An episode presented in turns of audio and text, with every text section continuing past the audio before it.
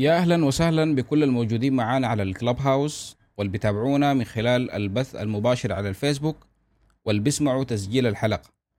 مرحب بكم في الحلقة السبعة من بودكاست أركشن أركشن أول بودكاست سوداني يهتم بالعمارة.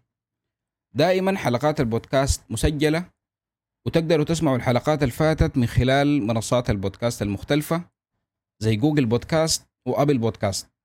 للمشاركة في الحلقة انضموا لنا كل جمعة الساعة 9 بتوقيت السودان على الكلوب هاوس. كالعادة معاكم أنا رماح خالد ومعاي من المتحدثين الأمين عثمان. حلقة الليلة يعني نقدر نقول عليها combination لكل المواضيع اللي تكلمنا فيها في الحلقات اللي فاتت. ابتداء من الحلقة الأولى للبودكاست اللي كانت سنة 2016 وكانت بعنوان حوسبة العمارة.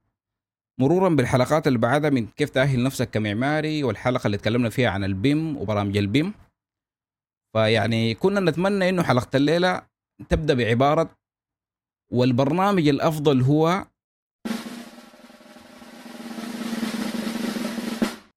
ونديكم إجابة طوالي على البرنامج المفروض يكون الأفضل.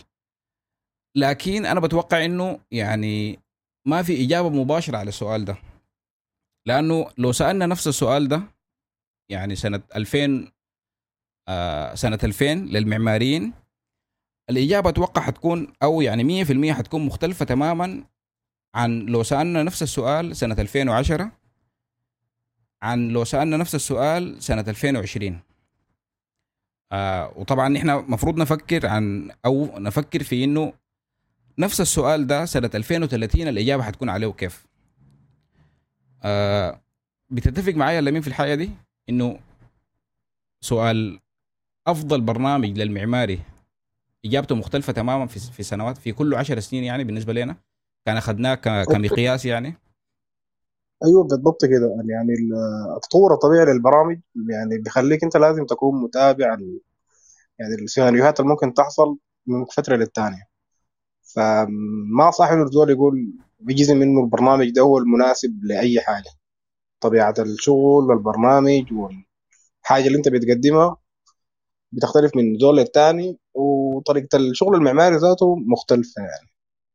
فالشغل المعماري اللي قبل فترة غير الشغل هسي والبرامج قبل فترة غير الهسي فما في إجابة ممكن تكون واضحة إنه البرنامج الفلاني هو المثالي طبعا يعني الحاجة دي قاعد تكون مزعجة شديد لما أنا أفتح لي عنوان في فيديو في يوتيوب يقول لك يا أخي مثلا أفضل طريقة لعمل الحاجة الفلانية.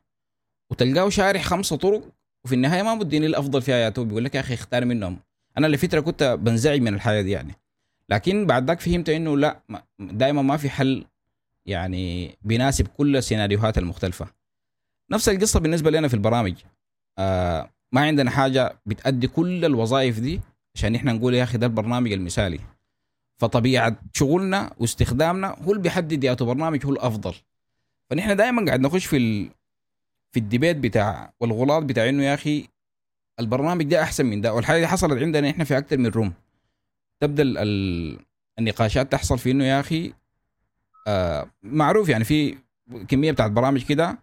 الأول versus الثاني يقول لك يا أخي الريفت أحسن من الارشيكاد وده الريفت عنده ناسه والارشيكاد عنده ناسه. أو الاثنين عندهم استخداماتهم يعني. نفس القصة ال...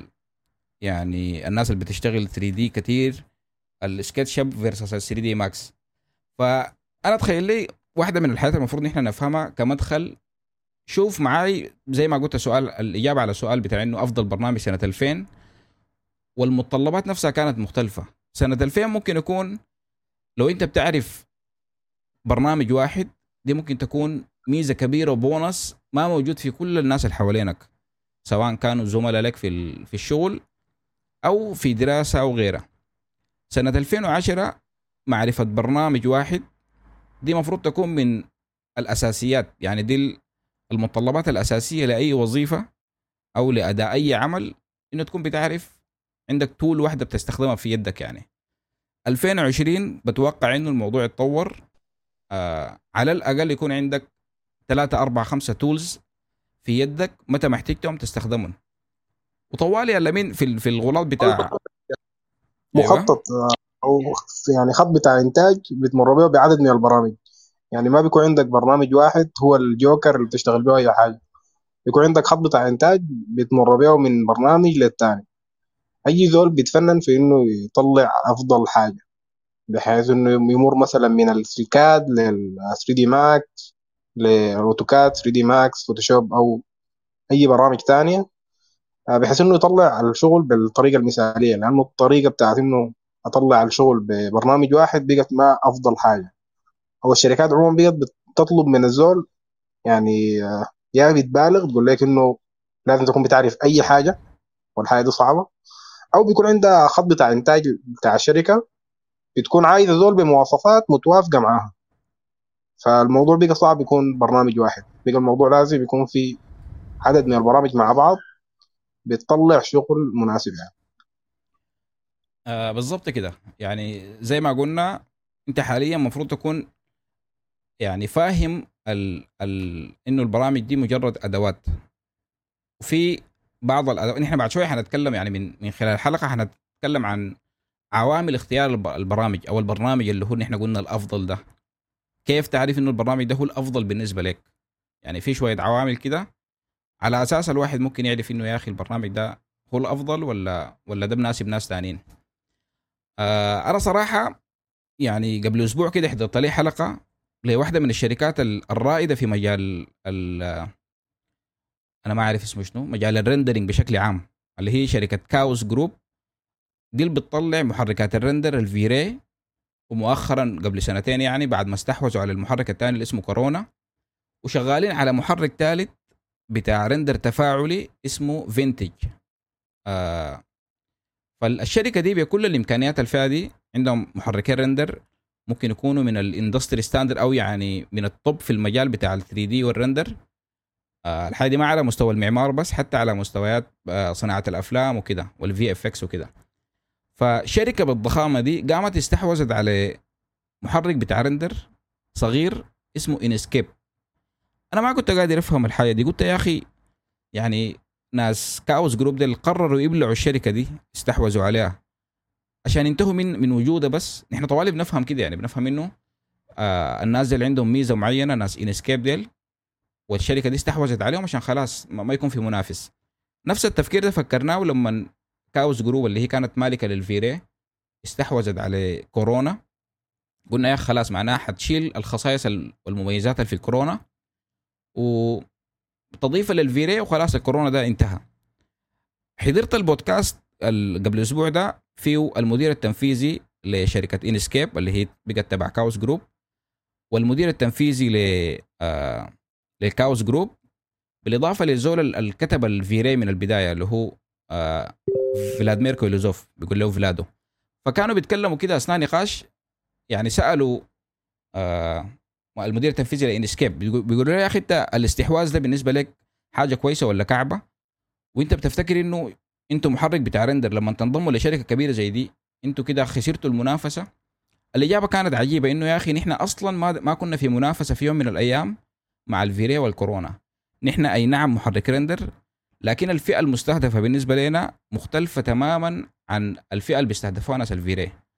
نحن بنستهدف المصممين. طبعا في البداية كان الاستهداف للمعماريين. فيا أخي نحن دايرين المعماري أثناء ما هو بيشتغل تصميم وبيفكر في إنه يصمم يكون شايف حاجة كده قريبة من ال final product بتاعه ال final design يعني بالألوان وشكل ال textures والتفاصيل دي. لكن دي ما الحاجة اللي بيستخدموها في التسويق. وفي العرض النهائي ل آه، يعني في الوسائل بصورة مختلفة. ف دي واحدة من أهم العوامل اللي بتوريك إنه يا أخي البرنامج ده مناسب معك ولا ما مناسب. آه الحاجة دي بتعرفها من الشركة إنه الفئة المستهدفة من البرنامج منه آه وأتوقع لمين إحنا طوالي قاعد نخش برضه في في مقارنات ما قاعد تكون يعني بمنطق.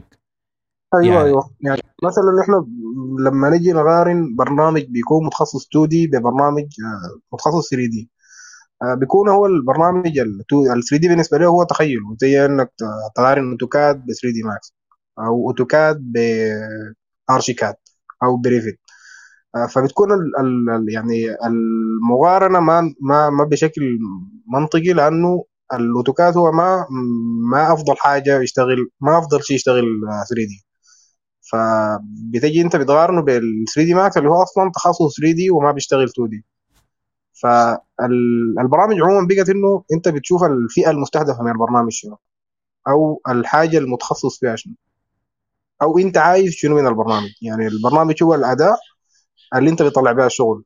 يعني ممكن تطلع بأوتوكاد حاجة كويسة لكن آه بيكون الأنسب لك إنك تشتغل 3 دي ماكس فإحنا في الأول بنحدد إحنا عايزين شنو وبنختار الاداه الانسب لنا. لكن آه ما بنغار إنه برنامج ده أحسن من ده أو ده أفضل من ده. أيوه بالضبط كده. يعني آه بالإضافة لإنه لما أنت قلت المقارنة في البرامج اللي ما في نفس ال category أو الفئة. ده موضوع غلط كبير. لكن برضو في برامج بتكون نحن شايفينها في نفس الفئة لكن هي ما في نفس الفئة. على سبيل المثال برضو من الصدف الجميلة إنه آه واحدة من المستمعين للبودكاست موجودة معنا في group ال Telegram. يعني امبارح كتبت إنه آه برنامج رائع جدا الأفضل في التصميم الداخلي عبارة زي دي يعني. اللي هو برنامج آه Homestyler أنا أنا أنا والله ما أعرف هو برنامج ولا website آه اللي هو بيتعمل في الويب يعني. لكن بشكل عام دي أداة بيستخدموها المصممين الداخليين للتصميم الداخلي. لو نحن عاينا لها من منظور بتاع render و 3D وإظهار ممكن نقول يا أخي لا لا نتائجه ضعيفة وده شنو البرنامج التعبان ده وكده. في نفس الوقت لو نظرنا له نظرة ثانية إنه ده tool بتاع ال design باستخدام المصمم الداخلي حنشوف إنه يا أخي شلنا منه آه بين قوسين كده التعقيد الكثير الموجود في برامج ال modeling الثانية اللي هي متخصصة للناس ال دايرين يطلعوا بصور خلينا نقول commercial كده ولاعلانات وكده.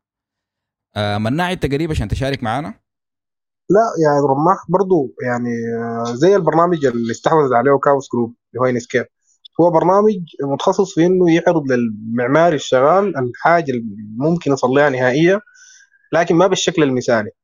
فده برضه ممكن يكون وجه من أوجه المقارنة يعني. يعني أنا أنا من برنامج بيطلع لك فاينل بشكل احترافي. زي يعني وكاوس جروب هي على البرنامج نفسه يعني. هي ما غالبا إنه تطور البرنامج وتخليه مثالي بكل محتاج مواصفات جهاز قوية ومحتاج كده لا لا هو برنامج حيظل برنامج يعني بيحتاج مواصفات. في السوق. هاي ويقدر يستخدمه أي زول بشكل سهل لكن ما حيطلع لك الشكل المثالي اللي يطلعه مثلا فيري أو الكورونا.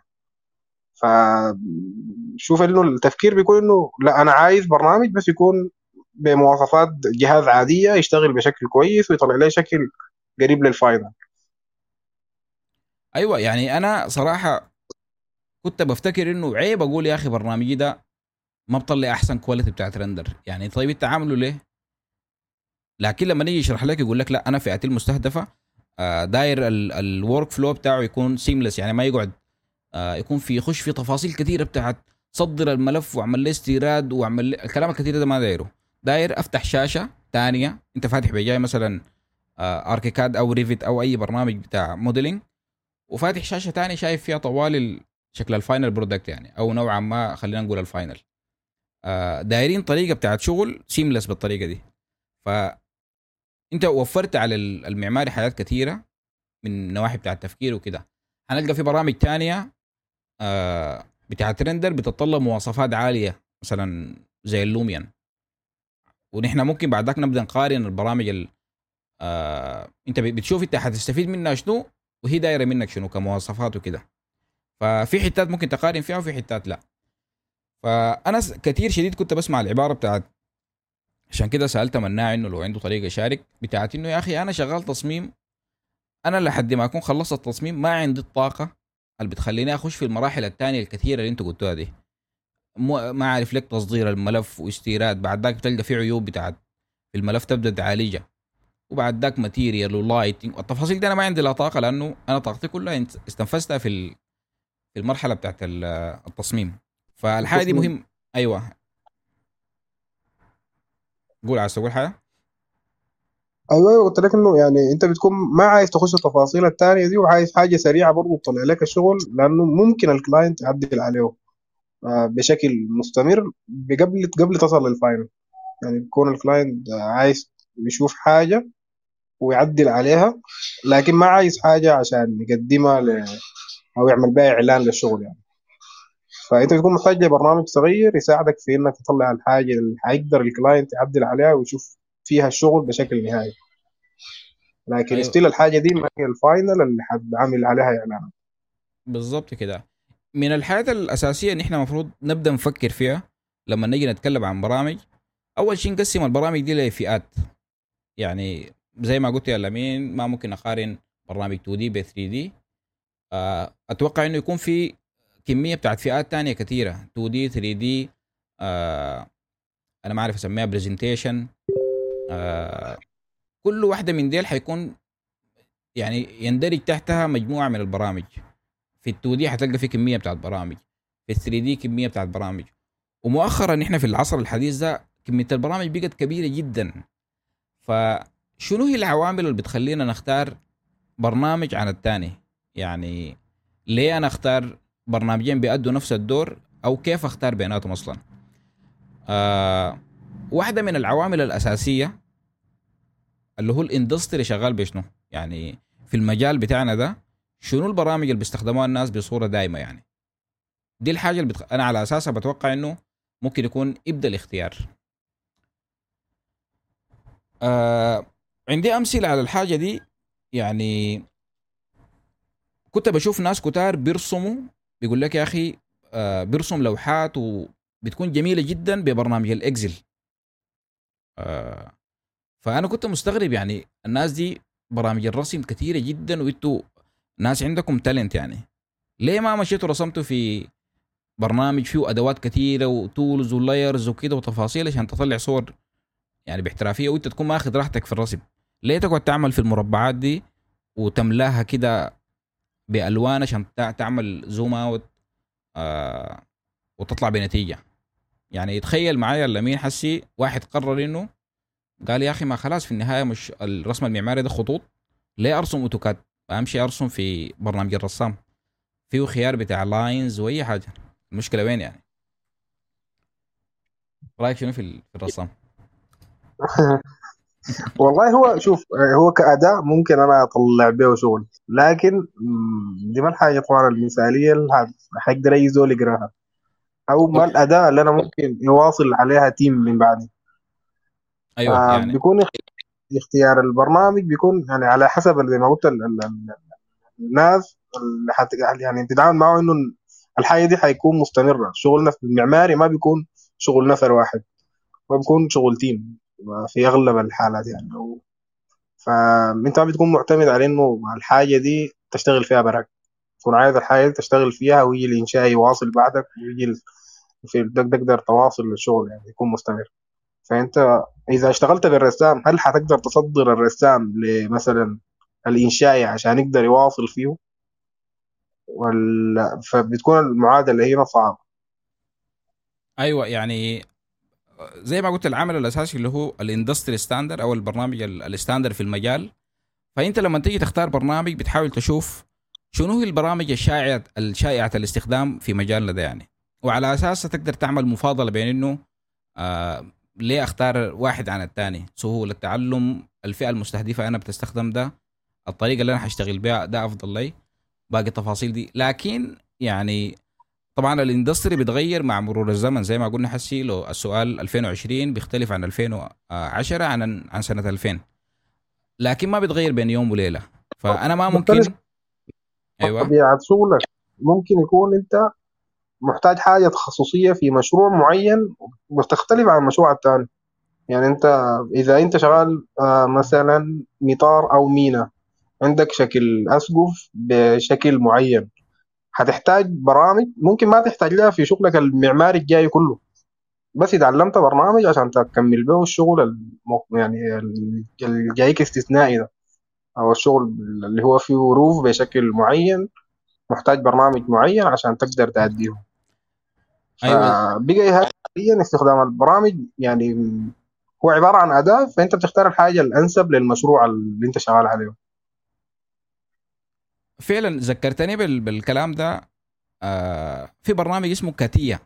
ده برنامج أصلا متخصص في صناعة الطائرات. آه كان يستخدموه ناس آه المعماري فرانجيري في المشروع بتاعهم بتاع متحف Guggenheim. في بلباو أيوه في إسبانيا. فحتى ناس ناس CATIA ديل عندهم في القناة بتاعتهم في اليوتيوب آه عاملين فيديو كده مع مع فرانك جيري ده لمدة خمسة دقائق وهو بيتكلم إنه ال team بتاعه بتاع ال design مشوا آه يعني لاقوا لهم آه موردين بتاعين حديد تقريبا بتاعين steel لاقوهم هناك في في المشروع على أرض الواقع يعني قبل ما ينفذوا طبعا آه علموهم برنامج كثية لمدة في الأسبوع ذاك يعني. قال بسبب تعلم الجماعة ديل للبرنامج ده آه بسموها شنو هي؟ التقديرات جاد أقل بنسبة أو آه التقديرات بتاعت الكميات. أيوه جات بأسعار أقل بنسبة 18% بس بسبب إنه تعلموا البرامج دي يعني الكوتيشن الأسعار جات بأقل ب 18% فشوف الناس اللي ما ما عملوا هلمانه كبيرة وإنه يا أخي نعملها كيف؟ يتعلموا البرنامج عشان يقدروا يعملوا به حساباتهم والتفاصيل دي. ف ده الوضع اللي إحنا حاليا فيه انه يا أخي مع كل مشروع بيكون عندك آه تحدي جديد ممكن بسببه تتعلم برنامج أنت ما حصل استخدمته قبل كده إلا في البرنامج ده. فنحن ما زي سنة 2000 آه الخيارات قدامنا أصلا هم واحد ولا اثنين لا بقت في خيارات كثيرة شديد وفي أدوات تعتبر ما أساسية في المجال لكن مكملة لك. يعني على سبيل المثال أنا آه قبل يومين كان في مشروع صغير كده آه رسلوا لنا صورة مفروض نشتغلها ك كنص موجود في حيطة. النص ده مكتوب بخط كده يعني أنا ما ما عندي الخط ده عشان أقدر أكتبه. فرسلوا صورة كده محتاج أعمل لها tracing عشان أعملها ك 3D في في wall يعني نص بالعربي. فمشيت فتشت لي tool في أداة بسيطة بتعمل tracing للحاجة دي. اتعلمتها في دقيقة واحدة ولا دقيقتين في فيديو في اليوتيوب وقدرت أعمل trace للحاجة دي طلعت منها spline واستخدمته. فأنا ما حاعمل موضوع إنه يا أخي ما في طريقة وكده لا أنا بمشي أشوف في tool في الدنيا دي بتعمل الحاجة اللي أنا دايرها دي وأكون اتعلمتها وانتهيت. لو بتتذكر يا لمين برضو كان عندنا مشروع اللي اشتغلناه سوا؟ آه احتجنا فيه نعمل animation وما في واحد فينا كان بيعرف Adobe After Effects آه أيوه أيوه. فبس في الفترة ديك الواحد نزل له كورس حضره في أسبوع يتعلمه عشان يؤدي الحاجة اللي قدامه دي.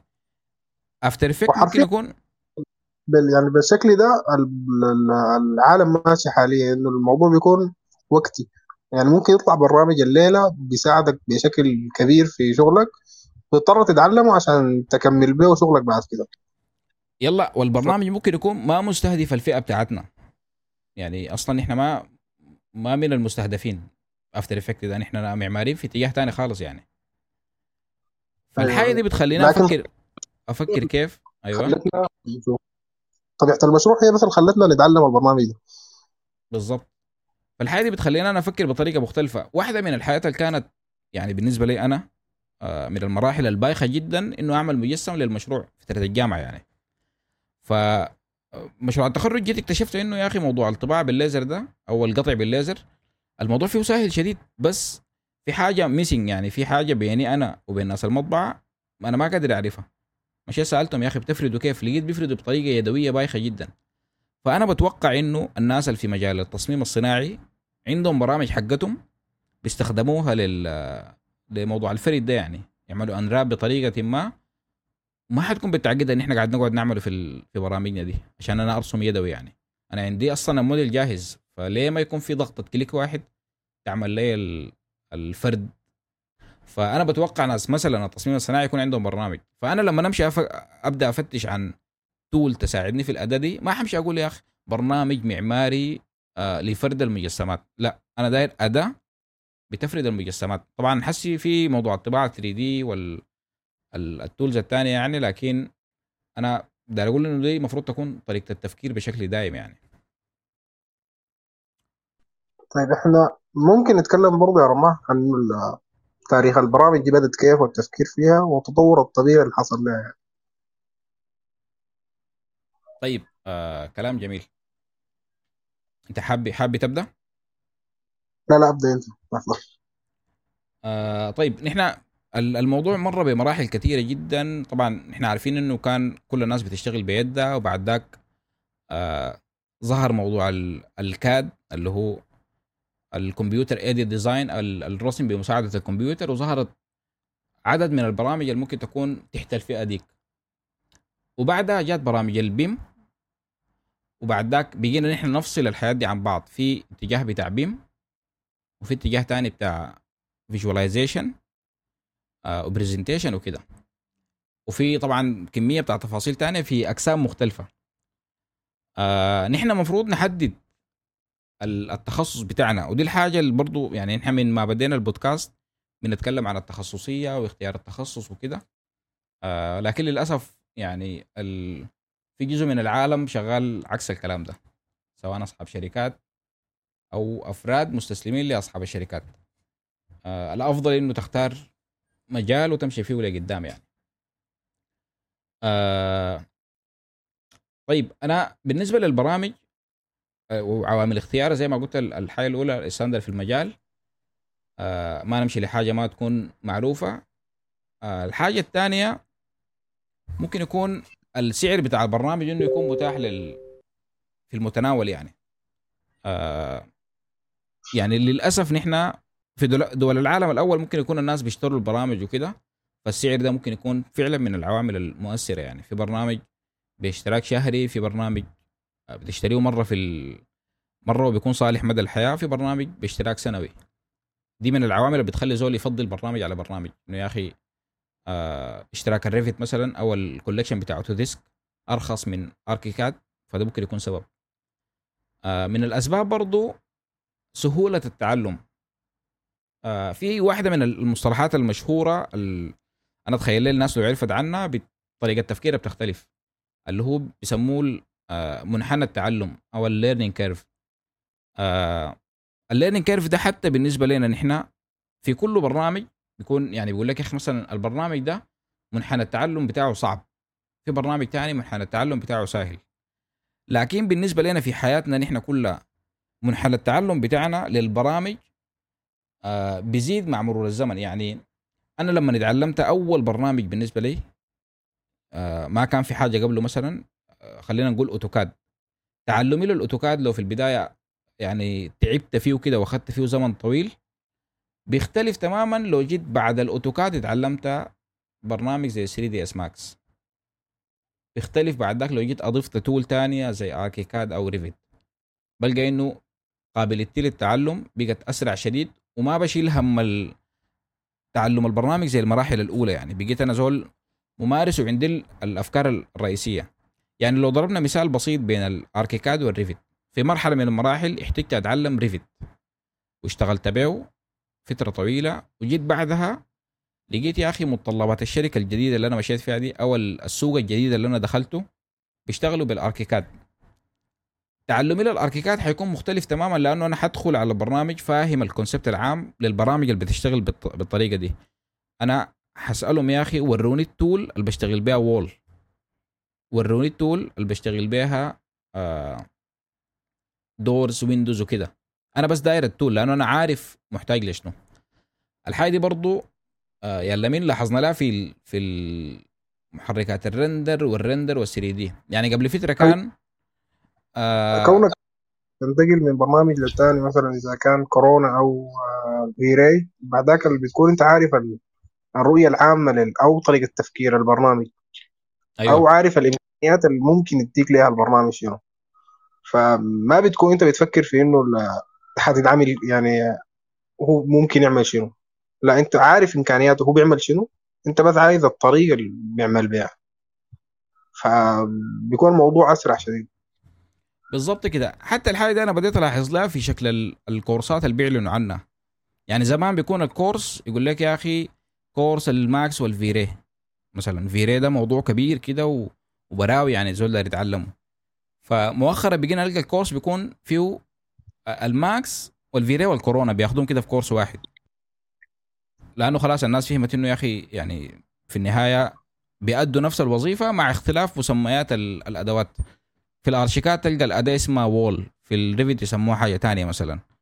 door يسموها كده هنا اسمها آه اسمها شنو هي الأداة بتاعت ال- ال furniture في الريفت يسموها لك family بيجي يسموها اسم تاني. فأنت بتكون ما بيهمك إنه آه يعني أنت عارف كيف الكيف عارفه لكن بس داير اسم الأداة عشان تقدر آه تختارها تعمل بيها الحاجة يعني.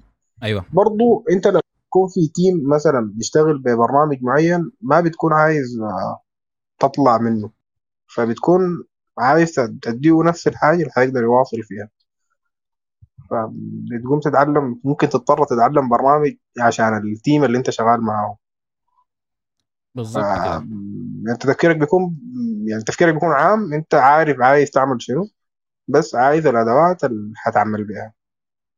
إذا كان انت بتشتغل اوتوكاد عايز تشتغل ريفيت أو عايز تشتغل ارشيكاد أو عايز فلو جينا نتكلم عن التطور ال- يعني الطبيعي كان للبرامج فإحنا بنلقى إنه البرامج إذا تكلمنا من آه، متحف جوجنهايم كان التفكير بأنهم بيشتغلوا ببرنامج برامج بتاعة صناعة طيارات عشان يعملوا بيها تخيل لمبنى فيه منحنيات ما حيقدروا يتعاملوا معاه بالبرامج اللي كانوا بيشتغلوا بيها الوقت ده فالموضوع بقى ماشي متطور إنه إنه يقدروا يعملوا كيفية لإنه يطلعوا الشغل المعماري بالبرامج أو طريقة حساب يعني معينة.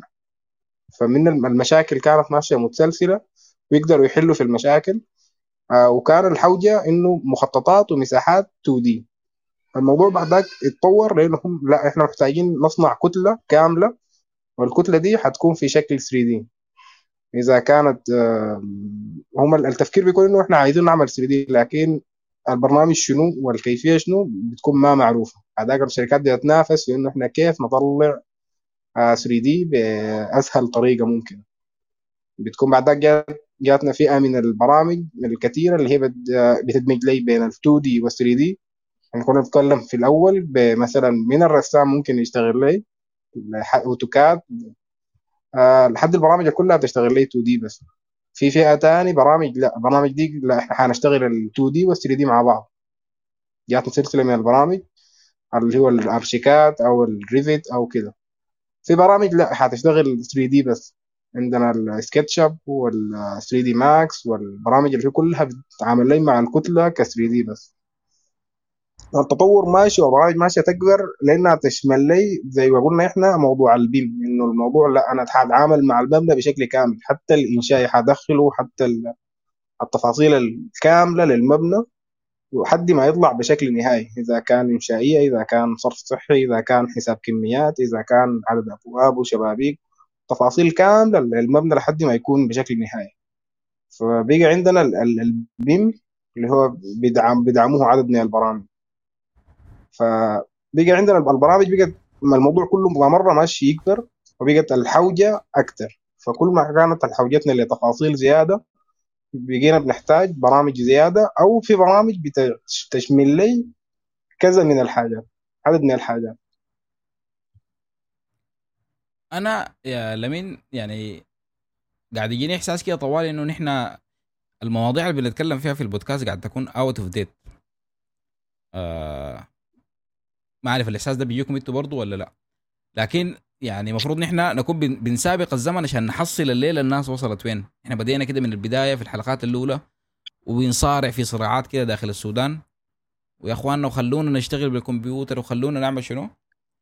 آه ما اعرف أنتوا بي- بيجيك نفس الإحساس ده ولا؟ حاليا إحنا ما إحنا هسه ممكن نتكلم في الحاجة دي بيكون في زول يعني ملم بالتفاصيل دي وشايف انه الحاجة دي ده شنو الناس بتقول في شنو. لكن في عدد كبير من ال- الحاجة دي ما بتتقال لهم يعني. إحنا مثلا في الجامعة ما في زول بيديك الرؤية الكاملة للبرامج. أو في. يعني ما في زول ما في شركة بتقول لك آه، الشركة يا قلت لك الشركة يا عايزة آه، خط انتاج شغالة به أصلا أو ما في خط انتاج وهي عايزة عايزة شغل بس ما بهمها إنك تشتغل بش فما في زول بيقول لك إنه لا لا أنت المفروض تعمل الحاجة دي كده بالشكل ده. فانا بس بتلقى انه في فئه عارف الحاجة دي وأنت بتكون بالنسبة لهم يعني out of date لكن في فئه كبيرة يعني بيكون الموضوع بالنسبة لها آه، مبهم أو ما ما اعرف التفاصيل اللي بتكون. أنا طبعا حبيت أقول الحاجة دي لأنه قاعد أفكر فيها طوال يا أخي. يا أخي شنو المواضيع القديمة اللي بيتكلموا فيها الناس دي أو بنتكلم فيها نحن يعني. لكن يعني بحب, بحب أطمن الناس إنه قربنا. قربنا نطلع من العصر الحجري اللي إحنا فيه ونبقى مواكبين. آه زي ما قلت يا لمين آه البرامج فعلا في ال social media واللي بيأكد لك انه الموضوع ده يعني لا في ناس ما عارفه. إنه في ناس لسه بتختلف في حاجات أو بتتصارع في برامج هي ما متخصصة في الحاجة أيوة. زي مثلا برنامج زي لوميون بيتقارن ببرنامج تاني زي آرشيكاد أو برنامج زي ريفيت فبتلقى إنه الصراع ما منطقي. بتديك ده الإشارة واضحة إنه الموضوع ده لا في حاجة غلط. أو ما مد... ما ما عارف إن الحاجة دي موجهة لفئة معينة. لو بتتذكر في الحلقة آه، الحلقة بتاعت العمارة الخضراء تقريبا آه واحد من الشباب كان شارك معانا هنا وقال لنا يا أخي التصميم بالكمبيوتر إنه يا أخي تدخل أرقام كده ويبدأ يطلع لك تصاميم. فشوف الناس وصلت وين والناس بتتكلم عن الميتافيرس والكلام الكبير ده ونحن لسه بنقول يا أخي دخول البرامج واستخدام الكمبيوتر و... لكن يعني قربنا قربنا نحن إن شاء الله الحلقات الجاية ممكن نكون خلاص يعني كده نخش في الميتافيرس وال الوصل له العالم يعني. آه وال VR وال AR فشوف زي ما قلت التطور ال... ال... زي انت سردته حسي بعد ما وصلنا ال BIM شوية بقى التصميم باستخدام الكمبيوتر اللي هو بعمليات حسابية ومعادلات وكده. آه وبعد ذاك عندنا ال parametric modeling أو design يعني. أيوه. برضو يكون تتعامل الموضوع بقيم بس يعني ما ما بيحتاج إنك تهدم الحاجة اللي عملتها عشان تطلع بشكل جديد. أيوه يعني إحنا الطريقة الحسي بنشتغل بها إنه لو عملت حاجة وحصل تعديل عملت design وحصل تعديل حتضطر تلغي ال design كله أو تمسح حاجات كثيره وتبدأ ثانية لكن ال parametric ده ممكن يكون بتغيير حاجات في حاجات ثانية بتتغير برا أوتوماتيك يعني. في شوية من آه، التفاعل اللي بيحصل. فأنا حرجع تاني للعوامل آه، عشان الناس يشاركوا معانا. مهند ومنال وعندهم فرصة. آه، نحن تكلمنا عن يعني مدخل في الحلقة. إنه كنا متمنين نجاوب على السؤال مباشرة بتاع أفضل برنامج شنو. لكن للأسف ما في إجابة لأنه السؤال إجابة عليه بتختلف سنة 2000 بتختلف عن سنة 2010 وعن سنة 2020 ومفروض نحن يكون عندنا تصور لسنة 2030 المفروض يكون الشكل عامل كيف والبرامج اللي حتكون موجودة والسوق عايز شنو زي ما بيقولوا. آه حاليا بنتكلم عن العوامل اللي بتخلينا نختار البرامج. وذكرنا منها كم نوع أو كم عامل اللي هو الستاندرد في المجال. دي حاجة مهمة شديد. ما تمشي تختار برنامج خارج الإطار آه وسهولة التعلم. سهولة التعلم دي فيها برضو نقاط كثيرة منها المنحنى بتاع التعلم بتاع البرنامج يكون آه سهل وقلت يا أخي إنه المنحنى التعلم ده بالنسبة لنا إحنا ذاته بيختلف. في البداية الواحد بيتعلم برنامج واحد بيكون تعب فيه جدا. مع مرور الزمن بيكون من السهل إنه يتعلم برنامجين في نفس الوقت في برامج صغيرة ما بياخذ فيها وقت. وحاجة مهمة شديد إنه آه زي ما قلت قبل يا برنامج زي برنامج ال Adobe After Effects ده نحن ما مستهدفين به. بيعملوا به حاجات كثيره شديد مؤثرات بصرية. و motion graphic وكده. ففي أدوات كثيره شديد دي ما بتعنيني أنا. أنا لما نمشي أتعلمه لوظيفة معينة بيهمني أتعلم الحاجة اللي أنا دايرها. ودي هنا فائده الكورسات اللي بيسموها crash course course سريع موجه آه لهدف معين. بعد ذاك من الحاجات اللي برضو العوامل المهمة إنه يكون في يعني community ومجتمع للبرنامج عشان أنت تقدر إذا حصلت لك مشاكل في المرحلة بتاعت التعلم دي أو آه، دعم فني أو آه، حتى وجود مكتبات أو يعني كل الحاجات اللي بنحتاج لها في البرنامج. إذا مثلا مسكنا برنامج زي الريفت حنلقى إنه عنده آه، مجتمع ضخم. المجتمع ده هو اللي بيطلع المكتبات بتاعت الشغل وكل الحياة اللي بيحتاجوا لها يعني. آه برنامج 3 دي ماكس مثلا هو برنامج يعني قديم وبسبب ال... إنه قديم في ناس كثير اشتغلت عليه وطلعت موديلات ممكن أستخدمها في البرنامج ده. وفي صيغ كثيرة من. من البرامج ممكن تتعامل معه ومرن فيها بيقدر يتقبلها. فبيكون برنامج مثالي لعدد كبير من الناس أو من التخصصات كمان. ففي تخصصات كثيرة هي بتشتغل ب 3D Max إذا كان تصميم صناعي إذا كان تصميم معماري إذا كان تصميم داخلي. فهم بيشتغلوا ب 3D Max وعشان هو برنامج آه، ممكن يكون من أوائل البرامج في ال 3D في مكتبة كبيرة ما أظن في حاجة مو ما تلقى لها موديل في في 3D Max لأنه في شركات يعني شركات اللي بتشتغل أثاثات أو بتشتغل تصميم صناعي. آه، الحاجات التخيلية اللي بتطلع بها بتكون شغالها بالبرنامج ده. فأنت وبتكون عامله عليه تسويق بتسوق بالحاجات اللي اشتغلتها على 3D Max وبتكون متاحة للناس إنه تستخدمها. فحاجة زي دي بتخلي فئة كبيرة من الناس تتوجه لل 3D Max فعلا. طيب نحن يعني آه ما حنقول البرنامج الأفضل. إحنا ماشيين بنقول في عوامل وكده. هل المفروض نحن نقول فئات وفي كل فئة نقول برامج ولا الموضوع المفروض يكون من العوامل اللي قلناها دي الناس هي اللي تقدر تختار على أساسها يعني؟ آه أتوقع أي زول البرنامج الأمثل حيكون هو اللي حيقدر يحدد. يعني ما حتقدر تقول له إنه البرنامج الفلاني هو البرنامج الضابط معك.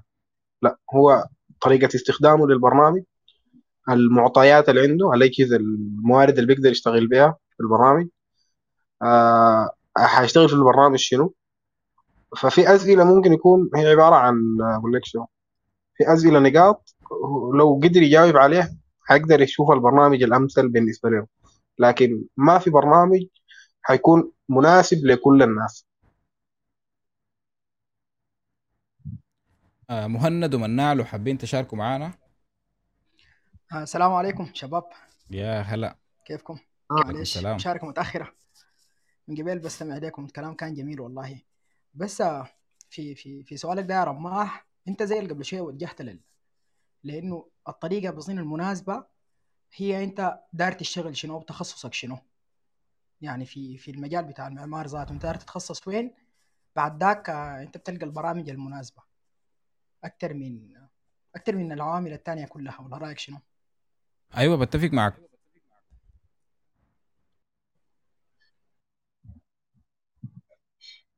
آه نحن نحن دي من الحاجات اللي قلناها في البداية إنه يا أخي حتى البرامج دي عندها فئات مستهدفة.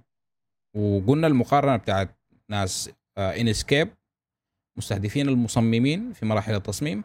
وكان بيتكلم عن إنه بدوا بالمعماريين بعد شوية دخلوا مصممين داخليين بعد شوية دخلوا آه ناس آه تصميم صناعي بقوا كلهم مستهدفين بالنسبة لهم. آه لأنه يعني طريقة التعامل مع ال Enscape seamless وبتفتح في شاشة ثانية وأنت بتكون بتصمم وبتشوف ال final طوالي في نفس اللحظة. برنامج خفيف ما معقد كده. ففعلا يعني أنت شوف البرنامج اللي بيستهدفك أنت وده هو اللي بيكون مناسب بالنسبة لك. السلام عليكم شباب. مساء الخير. يا هلا وعليكم السلام. آه أنا بشوف ممكن البرامج دي تتصنف على حسب ال الغرض أو ال ال ال ال user آه، عندنا ممكن ناخدها برامج بتاعت sketching في برامج بتاعت drafting في برامج ممكن ناخدها بتاعت visualization وفي برامج ممكن تاخدها في ال category بتاع ال BIM. وفي آه، ال category بتاع ال research في برامج خاصة ال research دي في برامج متخصصة في دراسات ال ال السولر شغل بتاع الاستدامة الحاجات دي.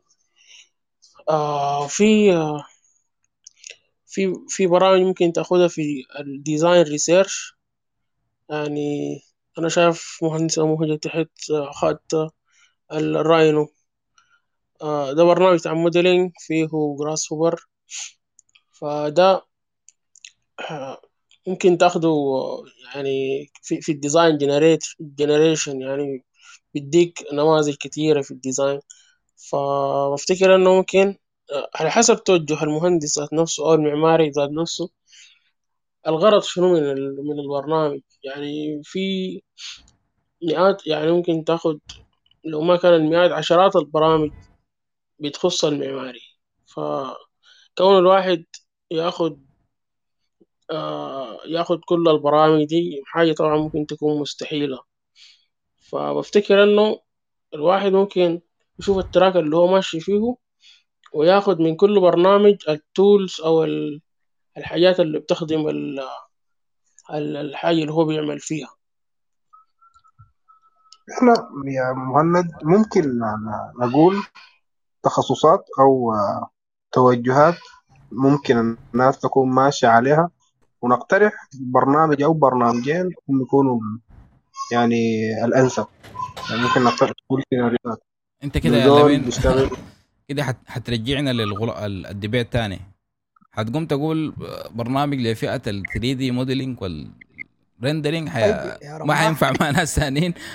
أيوه مناع هل هل ممكن يكون في برنامج كده بيشتغل overall على الح- الحاجات دي كلها؟ ما شرط يكون رهيب في حاجة معينة لكن نوعا ما عنده يعني لامي حاجات كثيره وبطريقة كويسة. هل ممكن تكون في برامج بالشكل ده؟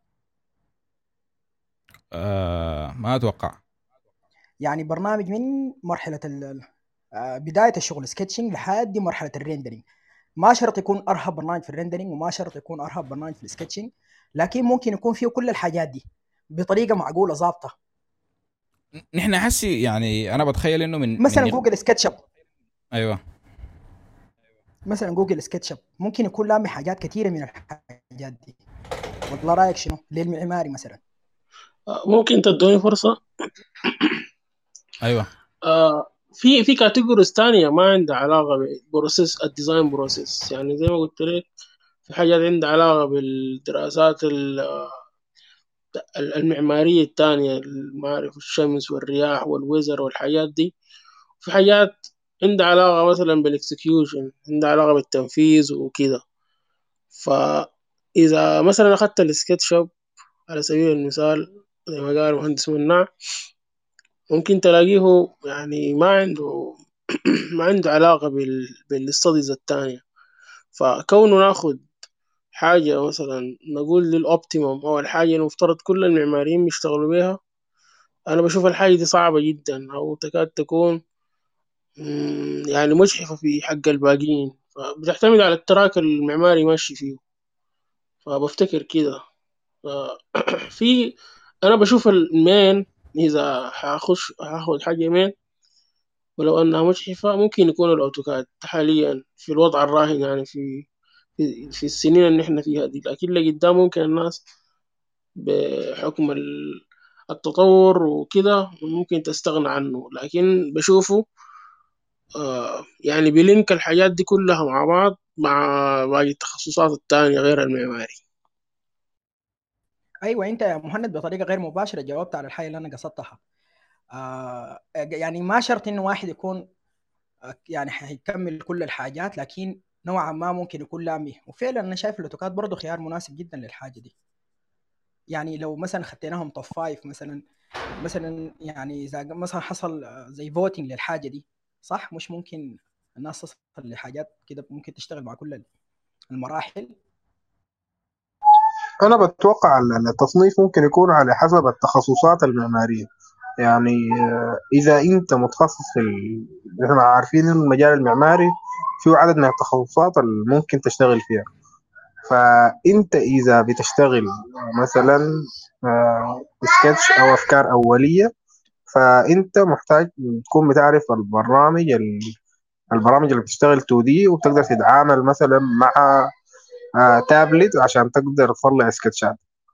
آه، إذا أنت مثلا بتتعامل مع الشغل بشغل تنفيذي وتكنيكال وموقع وكده فأنت آه، بتحتاج برنامج آه، يقدر يطلع لك ال 2 دي بشكل كويس.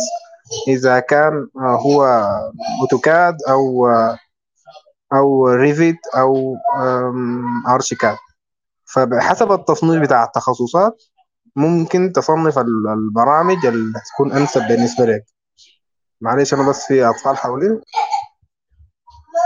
طيب يعني آه يعني معلش خلي في مداخلة سريعة كده. يا هلا تفضل. آه طيب آه آه أول حاجة السلام عليكم. أول حاجة داير أقولها إنه أنا جيت متأخر فما أعرف بالضبط آه أنتوا تكلمتوا عن شنو بالنسبة لل- للموضوع للبودكاست ال- الحاصل السيدة.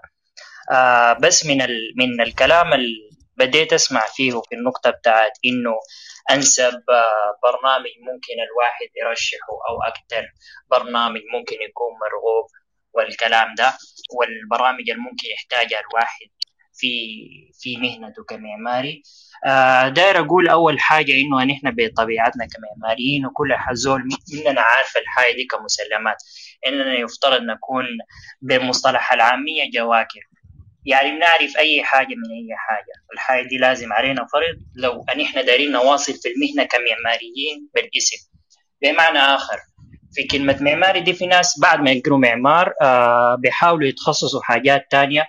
Within ال industry ذاتها لو جينا عينا لا بصورة عامة في ناس في ال process حقة ال design بيفضلوا الشغل بتاع ال drafting في ناس بيفضلوا الشغل بتاع الشغل بتاع ال concept وال design وال sketching في ناس بيفضلوا الشغل حق ال visualization وال rendering في ناس بيفضلوا الشغل حق ال BIM وبيختلف بعد ذاك من زول لزول فما لما الواحد يكون هو عاوز يتخصص في حاجة معينة ما بيقدر أو ما بنقدر نقول والله الناس تشوف البرنامج الفلاني. لأنه لو جينا مثلا للناس الدايرين يبقوا drafters في master drafters أفضل برنامج لهم ال AutoCAD.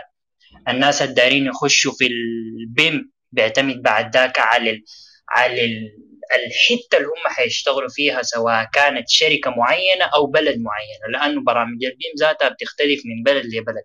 في بلدان بتفضل ال Revit في بلدان بتفضل ال ArchiCAD في بلدان بتفضل برامج تانية بتاعت BIM. والحاجة دي مواصلة طبعا بالنسبة لباقي الفروع بتاعت عملية التصميم ممكن نقول عليها. لكن لو جينا قلنا إنه الواحد داري واصل في مهنة كمهندس معماري زي ما بنقول في بلدنا السودان هنا ده. فلازم يكون عنده إلمام بكل الفروع ولو بالطريقة اللي بتخليه إنه يقدم الشغل حقه أو يقدم يعني زي ما بقولوا ال ال ال الخدمة حقته. آه لو فرضنا الواحد في السودان هنا ده شغال له في شركة طبعا في شركة هنا الشركات بتطلب من الواحد إنه يكون بيعرف أغل كل البرامج. طبعا الحاجة دي صعبة آه لكن يا هو الناس بتحاول ت manage بأي شكل كان وبتقدر ودي حاجة كويسة بسبب متطلبات السوق وكده. لكن آه بصورة عامة ما, آه ما في برنامج معين أو ما في هنا في السودان ذاته ممكن نقول والله أحسن الناس تمشي ل Revit في BIM تحسن تمشي ل آه في الشغل بتاع ال rendering مثلا ل Lumion أو V-Ray ممكن نقول إنه بغض النظر عن إنك أنت آه بتشتغل بهذا برنامج ما دام ال result النهائي اللي بتديه أو ال output اللي بيطلع للزول سواء كان هو client آه سواء كان هو زول وظفك تبع شركة ل job معينة لأنه طبعا في ناس ياهو بيجيهم jobs آه مؤقتة عشان يأدوا مشروع معين. فما ما بيفرق بعد ذاك هو شغال بهذا برنامج لو هو مطلوب منهم result معينة. فممكن أقول إنه الواحد ممكن يشتغل في أي workflow ممكن يشتغل بين AutoCAD و Rhino ممكن يشتغل بين بين ArchiCAD و SketchUp ممكن يشتغل بين بين مجموعه من البرامج اللي نحن ممكن لما نجي نعاين لها أو بطبيعة شغلنا في السودان إنه ما نقول إنها relatable لبعض. إنه مثلا الواحد كيف مثلا يكون شغال ب براينو وشغال معاه حاجة ثانية مثلا غريبة. ممكن في ناس يكونوا بس شغالين بالشغل بتاع بالسكتشب زي ما قال زميلنا المنة منة. ف دي ده بس دي بس النقطة اللي أنا داير أقولها ف تبع الكلام فمعليش إذا كان كررت حاجة أنتوا أوريدي قلتوها بس دي الحاجة اللي خطرت في بالي مع مع كلامكم. طيب يا أخواننا نحن ما ممكن ناخذ التجارب الشخصية والحياة الشخصية مثلا لبعضنا على أساس إنه أي زول مثلا يبدأ يتكلم عن ما في مرحلة ما حتى لو زول متخصص في حاجة معينة في مرحلة ما بكون اشتغل باقي باقي التخصصات آه، بطريقه مباشرة وغير مباشرة. فكده نتكلم عن ال- ال- الحاجة الشخصية مثلا آه، إذا أخذناها ابجديا أمين مثلا. أدي مثلا إذا داير تشتغل concept يا أمين. بتشوف يعني أفضل برنامج ممكن تشتغل به وشنو؟ بعد ال concept مثلا ال developing بعد ذاك مثلا ال zoning بعد ذاك ال design بعد ذاك ال production ال post production النقطة زي ما قلت يا يا, يا. مناع بما. إنه الناس خشت في تخصص حتلقى كل زول تخصصه مختلف فممكن يقول. لك إنه الأفضل بالنسبة لي حاليا في تخصصي أنا الحالة أيوه الفلانية. أيوه, أيوة. دي دي حاجة كويسة يا يا رماح لما أنت مثلا أمين مثلا وضح لي نقطة ممكن في برنامج معين بعد ذاك أنا ممكن يعني بيكون زي اختصر لك أو أو يعني أداك زي كده زي ما بيقولوا تجربة كده في في في طيب يا مناع إحنا ما يعني زي ما قال محمد إحنا نتفق إنه ما حنقول آه البرنامج افضل برنامج المثالي اللي تشتغل به أنت كمعماري برنامج كده أو ما في الحاجة. في مثلا امين تطلع بشكل نهائي. طيب آه مثلا أو إذا عايز تشتغل تخصص شنو؟ أنا أنا فهمتك لكن برضو الحاجة حتقدر آه تطلع بفئة أقل من البرامج اللي ممكن تشتغلها. عشان كده أنا آه قصدي التجربة الشخصية في الحتة دي ممكن تكون يعني مفيدة.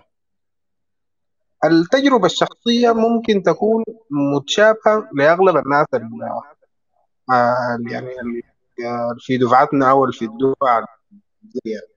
لأنه م، كانوا في زمن واحد. وأغلبنا بدأ ب AutoCAD ويتدرج بعد ذاك مشى ب ArchiCAD و Revit لا أنا ما قصدي ال- ال history بتاع تعلم البرامج أنا قصدي حاليا أنت بتفضل شنو؟ حاليا. حاليا مرحلة مثلا. تعتمد على ال- الحاجة اللي قررتها يعني ما بتعتمد على إنه الحاجة الانسب شنو الأنسب بالنسبة لي ممكن يكون طريقة صعبة. بالنسبة لزول نحن نحن. نحن يا مناع يعني بنحاول نقول فعلا أسامي برامج ونقترحها وكده لكن كنا بنحاول نهرب برضو من من موضوع التفضيل ده. لكن كده ما مشكلة أنت ممكن ممكن تبدأ. هي عبارة عن تجربة شخصية أكثر من إنه يعني الأمين. شبكتك شوية كعبة. فحاول غير مكانك ولا حاجة. فخلاص خلاص يا منان إحنا شوية يا جماعة ندخل أقدر أدخل في الحتة دي بتاعت التجربة الشخصية. رماح ممتاز. وأمين. آه والله يا سيد مناع يعني أنا شايف إنه موضوع التجربة الشخصية ده صح يمكن يكون مفيد لكن برضه في بعض الأحيان ما بتقدر تطبقه يعني على يعني زي ما بيقولوا على على على, على مستويات كبيرة يعني. يعني هسي أي زول ممكن يكون عنده تفضيلات خاصة يعني. إنه يحب مثلا يشتغل آه، ب Revit في الحتة بتاع ال- ال drafting وال plans والشغل بتاع ال BIM يشتغل بعد ذاك ب Max أو يشتغل ب Lumion لل rendering أو كده. لكن يعني الموضوع لما تيجي برضه ت- تشوفه لكل زول على حده يعني بتلقى الموضوع فيه variety كتير كتير شديد يعني varieties كتير شديد. يعني هسي مثلا كان أخذنا مثال رماح ده. رماح ده زول متخصص في ال visualization بيشتغل ببرامج كتيرة جدا جدا. أظنه بيخش في الموضوع بتاع Houdini و Phoenix وحاجات زي دي صح يا رماح؟ يعني ما ما هو دينا لكن أيوه فعلا جوا ال Max ممكن يكون آه. في حاجات آه حاجات حاجات أيوة. حاجات جدا لكن بعد ذاك مثلا لو جينا لزول مثلا هسي زي باشمهندس محمد المبارك اللي كان بيتكلم قبل شوية زول آه، متخصص أصلا هو زول بتاع آه، plans وتصميم وكده وشغل بتاع تكنولوجيا مباني فبتلقاه إنه وصل ال Revit ولقى إنه ال Revit ممكن يديه render بال V-Ray محترم. خلاص. بالكثير يا أخي بيمشي لل Lumion فأظن الموضوع ده يعني بيعتمد زي ما قبيل هو ذكر على الموضوع بتاع التخصصية ده. لكن أظن ممكن أي زول يعني زي ما بيقولوا أظن مناع دار يصل للحتة بتاعت إنه أي زول لو ذكر لنا يعني البرامج المفضلة بالنسبة له عشان الناس تصل ل يعني زي ما بيقولوا لتشكيلة كده ممكن نسميها التشكيلة الكومون بين المهندسين السودانيين كلها يعني. أيوه. أيوه لكن آه، التجر- التجربة الشخصية ما بتعكس لك آه، أفضل حاجة. لأنه زي ما قلنا إنه آه، تجربتك الشخصية ممكن تشتغل ببرنامج صعب لذول بادي. لكن أنت بحكم تكرارك للبرنامج ده مدة من الزمن قدرت تتوافق معاه وتطلع الشغل بشكل سريع. لكن لذول بادي بحكم التطور الحاصل للبرامج والعدد الكبير من البرامج اللي طالع هسي فما حيكون الأفضل حاجة تقترحها لزول إنه أبدأ بالبرنامج ده. لأنه ممكن يبدأ ببرنامج تاني ويصل به لمستوى أعلى منك في وقت وجيز. نحن يا مناع أنا أتوقع قبل كده دخلنا في نقاش وأنا دخلت مع ناس ثانيين برضو في نفس النقاش. آه و يعني ممكن يكون السبب أنا برضو تفكيري كان غلط. إنه يعني زول يقول لي يا أخي أنا ودي الحاجة قلتها في في بداية الحلقة يعني إنه آه أجي مثلا واحد شغال تصميم تصميم داخلي وشغال render أقوم أنا أعلق على ال render لأنه أنا تركيزي كله في ال render وال 3D وكده. أقول له يا أخي أنت ما اهتميت بال chamfer في الوزر اللي تحت؟ المفروض يكون الحافة بتاعتنا بيقول لي يا أخي أنا ما عندي طاقة للكلام ده يا أخي. أنا تركيزي كان على السقف وشكل الحوايط وكده. فالتفاصيل اللي أنا بقولها دي في كل الحاجات سواء كانت render آه، أو أقصد material أو lighting أو كده هو بكون ده ما الموضوع المهم بالنسبة له آه ونحن قبل كده دخلنا في النقاش ده يا مناع إنه أنت بد يعني تقريبا كده كان قلت لي إنه آه اللي بيهمك إنه ال client يشوف التصميم. ده بس ده حد ال render بتاعك حده هنا أو عموما المصممين يعني. إنه يشرح الفكرة لل client أسهل طريقة. بالضبط كده. قدر يوصل له والموضوع ده فاتح الأركيكات طوالي وعاين جو أول برنامج وبدون ما يرندر كان بها. لقى إنه لا في صعوبة في العملية دي. أحسن صور يوصلوا مرحلة الصور المفهومة بالنسبة له. فلما أنا أجي أقول الحاجة المناسبة بالنسبة لي وال والمثالية المصمم ما حتكون بالنسبة له مناسبة. حيقول يا أخي أنت ليه عقدت لي الموضوع كده؟ أنا أتعلم لي برنامج بالسنين عشان في النهاية بس أوري رندر لعميل ما أتعامل مع زول تاني. ودي الحاجة اللي قلناها في واحدة من الحلقات إنه الموضوع ده يا إخواننا أتيام. آه فكرة إنه معماري جوكر دي نشيلها من راسنا. أي نعم في شركات بتكون دي متطلباتها كده لكن أنا شايف إنه نحن نكون مصرين على الرأي الصح. يعني ما لما حتى نيجي نتكلم في البودكاست نقول آه إنه العالم بيطلب إنك تكون جوكر. فأنت يا أخي أمشي حاول أبقى جوكر. لا الناس اللي بيطلبوا كده ده كلهم غلط. والطريقة الصح إنه أنت تكون آه متخصص وبتعرف حاجة معينة. أنا الليلة شفتها في اعلان بتاع واحد من الكورسات إنه بيقولوا لو ما تعلمت البرنامج الفلاني ده لأنه شركات طالباه أنت ما حتلقى شغل ولا عبارة بالشكل ده يعني. لكن دي دي ما الحقيقة الموجودة في في الواقع يا يعني. رماح المشكلة لا هو رماح. المناخ المناخ اللي بيكون بتاع الشركات المعمارية والهندسية في السودان هنا بيهيئ لحاجات زي دي كثيره شديد يعني. يعني تلقاو إنه هسه مثلا أنت إذا بتعرف 3D Max ممكن تتوظف أسرع من زول آه، بيشتغل تصميم و concept و sketching بطريقة محترمة وأفكار محترمة شديد يعني. أيوه. يعني المناخ بتاع الشركات بتاعنا هنا بتاع السودان ده بقى إنه يهيئ الناس لإنها تتعلم الحاجة الغلط تتعلم الحاجات اللي قبل الأساسيات أسرع ويفكروا فيها أكثر من الحاجة المفترض أصلا يكونوا بيعرفوها. كمهنه يعني وكتخصص في حد ذاته. آه النقطة بتاعت إنه المعماري ما يفترض يكون جوكر. أنا بتفق معاك في النقطة دي في حالة إنه أنا حأشتغل آه آه ضمن ممكن نقول شركة آه سيستم مكون من مجموعة من الناس بيطلب إني أكون متخصص. العالم كله ماشي نحو التخصصية وأنا فاهم الحاجة دي. أنا لو جيت أقدم مثلا لأي شركة كبيرة لأي حتة في العالم عشان أكون جزء من هيكل لازم أكون متخصص عشان أدي البارت اللي علي لكن في حالة لو جينا إنه ما كل الناس هي بتكون عاوزة النقطة دي. كل الناس ممكن أو نقول جزء من الناس بيحب الحكاية بتاعت إنه هو داير يمر بأنواع مختلفة من ال من ال نقول على شنو الأدوار الوظيفية في الهيكل بتاع الشركة قبل ما يقرر إنه هو إبدأ ال business حقه. فرضا يا بدأ ال business ده آه، بصورة إنه داير يبني شركة عديل أو بدأ ال business بإنه هو بيشتغل كمعماري باسمه. يعني في أمثلة بتاعت ناس إنه يكون معروف كمعماري أو كمصمم داخلي في المجال ده في بلد معين أو في حتة معينة لكن ما عنده staff ما عنده شركة عنده اسمه بس اللي بيشتغل به فيلا في حالة إنك أنت بتدير ال business حقك أو بتدير الخدمة حقتك كاملة آه مطلوب منك ما مطلوب إنك تكون عارف كل البرامج بالصورة الك... ال... ال... ال... زي ما بقولوا ال full وإنك تقدر تعمل أي حاجة برات في مراحل من آه من شغلك مثلا في بعض المشاريع حتتطلب إنك تجيب out resource لك يشتغل لك مثلا renders أو drafting أو شغل بتاع BIM. لأنه مثلا المشروع أو ال job جاتك آه، فوق قدراتك المحدودة الخاصة بالمجال ده. لكن ال overall وال management حقت المشروع هي أنت بتقدر تعملها. فوذين حدود المشاريع الصغيرة أول بتقدر أنت تديرها بغض النظر عن حجمها كيف. أنا شايف إنه الواحد لازم تكون على الأقل من كل تخصص عارف له برنامج أو ما نقول برنامج. لو قلنا إنه في برنامج بيقدر يؤدي له وظيفتين مع بعض يكون كويس. لو فرضنا مثلا إنه الواحد بيعرف Revit للشغل بتاع ال BIM وحب الشغل بتاع ال drafting معاه Max مثلا ممكن يكون عنده workflow كويس بيقدر ينجز به كمية من المشاريع.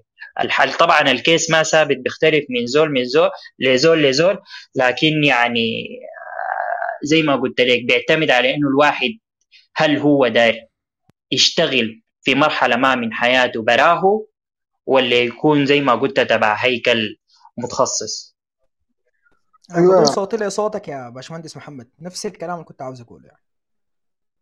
آه ما هو إحنا زي ما قلنا إنه آه زي ما قلنا إنه آه لو أنت متخصص وعارف أنت عايز شنو فسهل إنك تختار البرنامج وسهل إنك تسوق لنفسك في الشركات إنك أنت محترف في البرنامج الفلاني وحيجيبوك عشان أنت بتعرف البرنامج الفلاني بشكل كويس.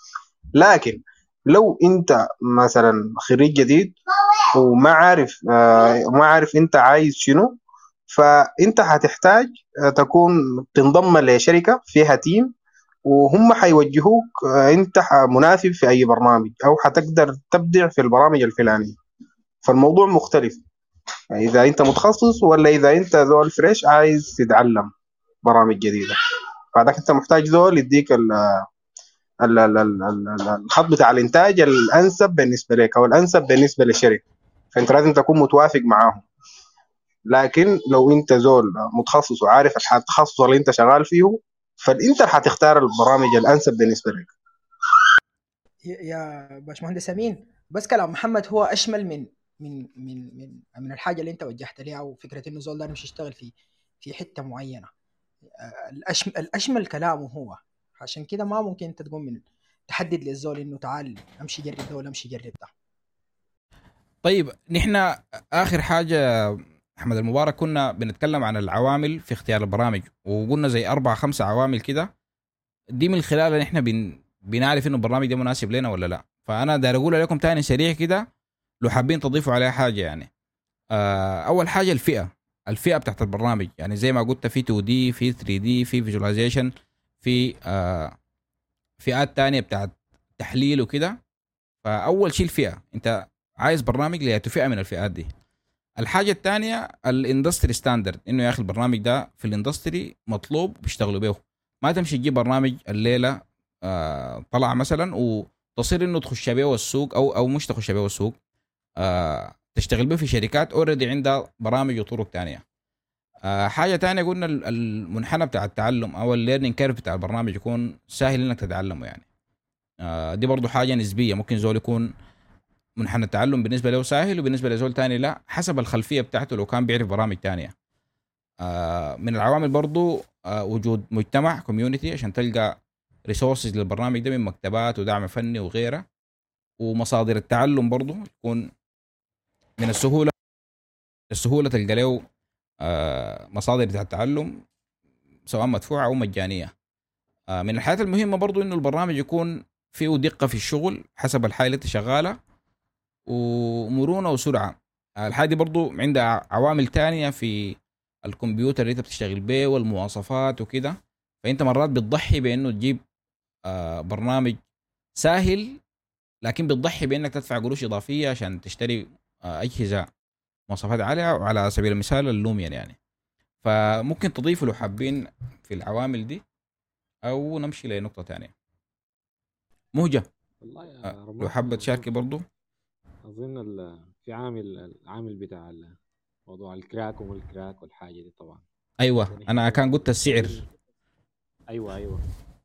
يعني طبعا يعني في برامج يعني قدر ما هنا الزول ما بيلقى لها crack. أو هي بتكون ما ما ما available بالنسبة للناس كلها. يعني بتكون صعب شديد إنك تلقاها available حتى لو الموضوع كان ب crack ذاته يعني. ده أي موضوع السعر بالجد يعني بيأثر. مع إنه طبعا نحن أغلبيتنا هنا في السودان شغالين ب crack لكن يعني إنه نحن نتمنى إنه في يوم من الأيام إنه الزول يكون قادر يعني زي ما يقولوا يشتغل بالنسخ الرسمية من الشركات لأنه طبعا بيكون في فيها فيها features أحسن وبيكون ال stability بتاعتها أحسن كتير طبعا من النسخ ال- أيوه الدعم فني مستمر و update أول ما يطلع وكده يعني. علاج المشاكل بيتم أول بأول. آه وصراحة يعني لاحظنا مؤخرا الشركات بقت بتسهل العملية بتاعت ال...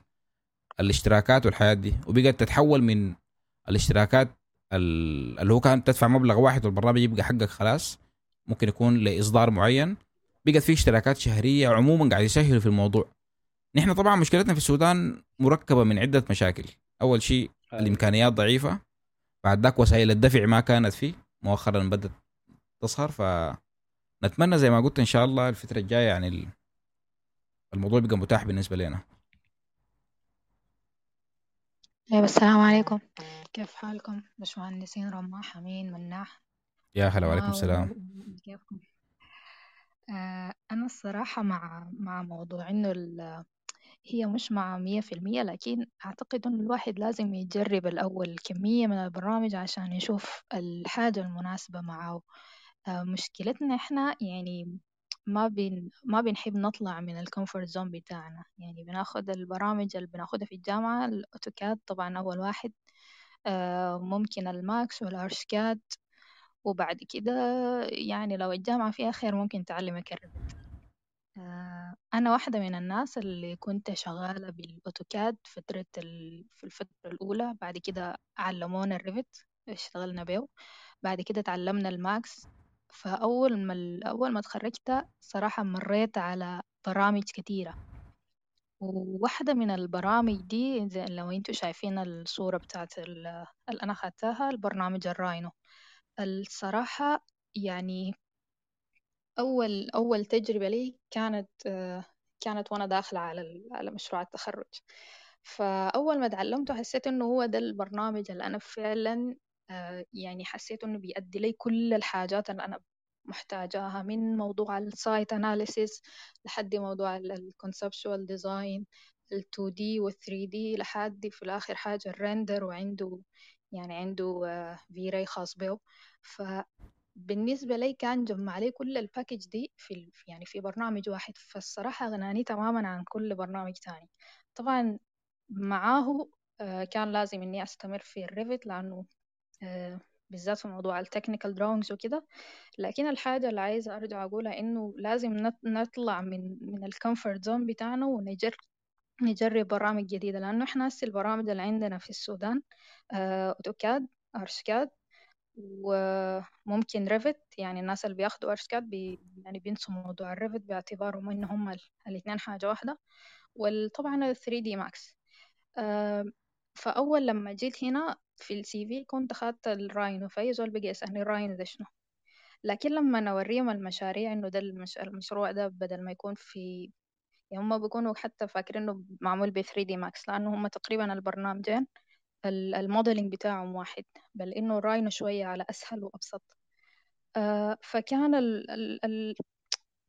ال- الاستقبال بتاع الناس هنا إنه كيف Rhino وما Rhino وإنتوا لا لازم ترجعي تتعلمي 3D Max من الأول. فالصراحة كانت كان الموضوع شوية عقيم.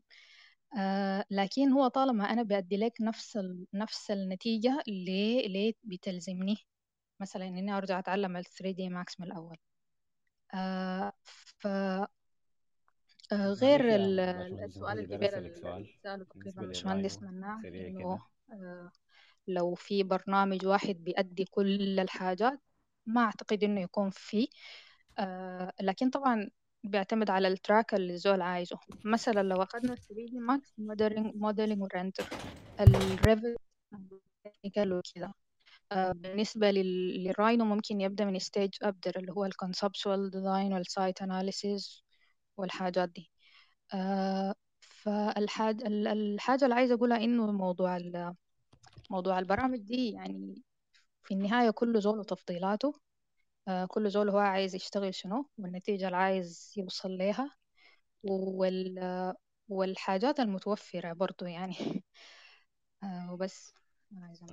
داير اسالك سؤال يا صوتك شوية بعيد يا في الموضوع بتاع بعيد شوية. طيب بالنسبة للموضوع بتاع ال Rhino يا مهجة آه ال system اللي بشت... ال- القايم عليه شنو يعني؟ هل هو شغال على النظام بتاع ال...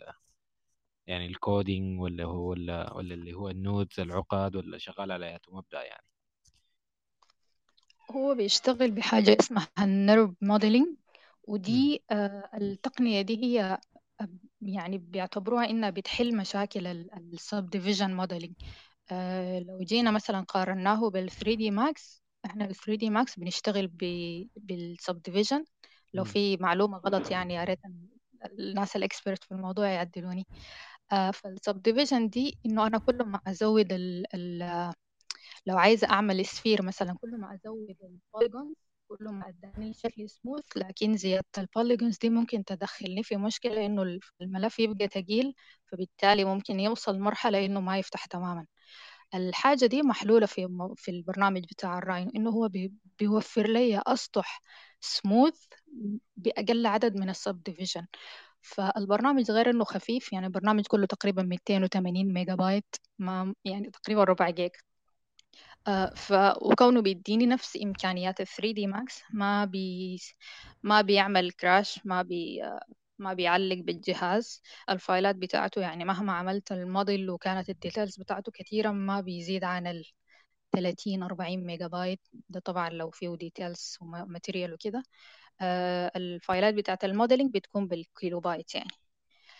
آه، بس فأنا حسيت إنه خفيف على الجهاز وما بي ما بي ما بيستنزف ال ال كرت الشاشة يعني بتاعت الجهاز. plus إمكانياته عالية وبقدر أشتغل به وزي ما قلت بشتغل به تحليل مبدئي لل site بتاعي. بشتغل به تحليل بيئي بشتغل به modeling و render آه، بشتغل بيشتغل 2D زيه زي ال AutoCAD وبيشتغل 3D زيه زي ال Max. فأنا بالنسبة لي بيجمع لي بين بساطة ال AutoCAD والإمكانيات بتاعة ال Max. ده كله في برنامج واحد. طبعا في ممكن الواحد يضيف له plugins تانية زي ال Grasshopper واللي هو الموضوع ال computational design وال algorithm وال وال وال اللغات اللي هي بتاعت البرمجة ال Python والحاجات دي. إني أيوه. بطلع بالضبط دي, دي بطلع النقطة دي النقطة اللي كنت أنا عايز أصليها. الموضوع بتاع اللي هو لغات البرمجة ولا أيوة والحاجات اللي هو اللي يعتبر advanced يعني. لأنه أنا شايف إنه هسي الموضوع كله يعني حتى المعماريين بعد شوية حيضطروا لأنهم يتعلموا يبدوا يتعلموا يتعلموا لغات البرمجة وكده. البرمجة دي. آه أي يعني يعني العالم كله بقى ماشي على انه يحلوا المشاكل الحاجات بتاعت الثانوي القديمة دي الإكس والواي والزد والكيرفز أيوه وال أيوه صح صح صح. آه دي دي ده موضوع التجربة الشخصية اللي قبل قصدته آه يا رماح وأمين. أيوه أيوه. آه ممكن زول ب- بطريقة مبسطة كده يديك يعني يختصر لك ال Rhinoceros مثلا. فشكرا لك يا باشمهندس مهدي على الكلام الجميل عن البرنامج. فيا ريت لو في برامج زي دي مثلا Rhinoceros سمعت به وكان كنت نزلته لكن ما حصل اشتغلت به لكن ده review ظابط يعني ممكن بعد ده امشي اشتغل به أو مثلا في حالة كان عندي مثلا مثلا شخصيا عندي مثلا لابتوب مواصفاته تعبانة. فممكن ألجأ للبرنامج ده إذا دار اشتغل مثلا modeling معقد أو حاجة زي دي. ف review ظريف يعني. برضه هو available يعني مثلا لو قارناه بال package بتاعت ال Autodesk هنلقى إنه آه، صعب الواحد يعمل cloud render صعب الواحد يعمل environmental design لأنه بيضطر يشتغل على النت وإحنا للأسف يعني still محظورين من ال... لسه في ال blacklist بتاعته. آه، لكن في المقابل ال Rhino available وبقدر أعمل الحاجات دي ال ال ال original version تقريبا برضو أرخص من ال Autodesk package ف يعني إمكانياته إمكانياته ومميزاته بالنسبة لي كانت كثيرة شديدة. والله يا باشمهندس مهجر كلامك ده يعني شنو؟ بيطاع بيطاع الناس كتار بتاع ماكس في ال- في ال- في في المحادثات دي. نحن نحن صراحة آه، كنا حريصين إنه يعني أصلا ما اخش في ال- في الحاجة دي. آه،. يعني الواحد بجد زي ما قالت أنا والله من من من الكلام من الكلام يعني من الكلام بديت أقتنع بديت أحس إنه يعني زي ما بقول أنا زول يعني أنا بشتغل Max بديت أحس إنه والله يا أخي ال Max ده شوية. معقد يعني زي زي السكتش بالنسبة لل Max أو زي العقدة بتاعت إنه آه آه آه. والله يا أخي السكتش ده بتاع أطفال ال Max بتاع كبار. هسي أنا بقيت حاسس إنه ال Rhino ده بتاع زي ما بيقولوا الناس اللي خلاص أكبر حاجة. آه معلش باشمهندس آه، موجة بس related للنقطة بتاعت الواحد يمرق من ال comfort zone حقته دي. هو طبعا آه عشان الواحد فعليا فعليا يمرق ما حيمرق بخياره كده إنه والله يا أخي أنا أنا أنا خلاص شايف إنه والله في reviews ممتازة. عن مثلا let's say مثلا أنا شغال بال بال 3ds Max ولكن على حسب كلامك ال Rhino بقى interesting أكتر إني أقوم أشوفه كده. فأنا لازم أشجع نفسي وأحاول أتعلمه أو أعرف عنه. فالموضوع بيكون صعب. آه الواحد بيمرق من ال comfort zone حقته لما يكون آه مجبور. آه say مثلا أنت مرقتي من ال comfort zone حقتك إنك اضطريتي تتعلمي 3DS Max عشان هو مطلوب. ممكن ما ناخذ ال ال الحاصل في السودان ك standard للوضع الحاصل في باقي العالم أو في العالم كله ماشي كيف. لكن الحاجة الممكن نقولها إنه أي شركة عندها ecosystem معين أو أي بلد ممكن نقول عندها eco آه، system معين أو نظام بيئي معين بالنسبة للتعامل بتاع البرامج.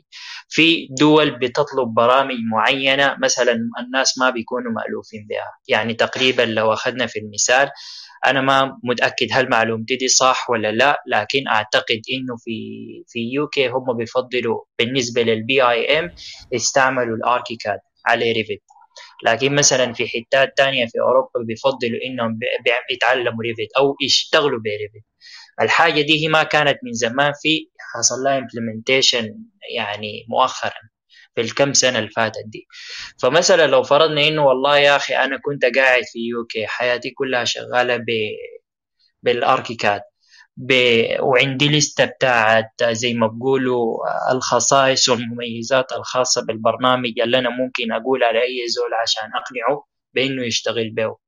لكن لما ياهو لسبب إن كان أنا مشيت من يوكي دي آه، لأي بلد تانية زي مثلا مشيت الإمارات أو دبي اللي هو مؤخرا بدأ يحصل implementation للريفت فحلقى نفسي إني أنا أنا BIM ونفس ال result ونفس ال output ونفس أي حاجة. طيب اللي بيمنع شنو؟ إني أشتغل بال مثلا ال ArchiCAD وبس أسلم output final ممكن واحدة من الموانع إنه على حسب اللوائح حقت البلد إنه في فايلات تبع مثلا ال project أو المشروع المعين ده تتسلم في صيغة RVT أو Revit فهنا ده أنا بلقى نفسي مضطر إني بادي من الأول ومن الصفر أبدأ أتعلم لي برنامج تاني عشان أقدر أخش في السيستم حق الحتة اللي أنا بقيت شغال فيها. فحكاية على قولك هي مهمة لكن ما بتحصل زي ما بقولوا طواعية ولا ممكن في أي وقت. الواحد زي ما بقولوا بينصاع له على حسب الزمان والمكان اللي هو فيه.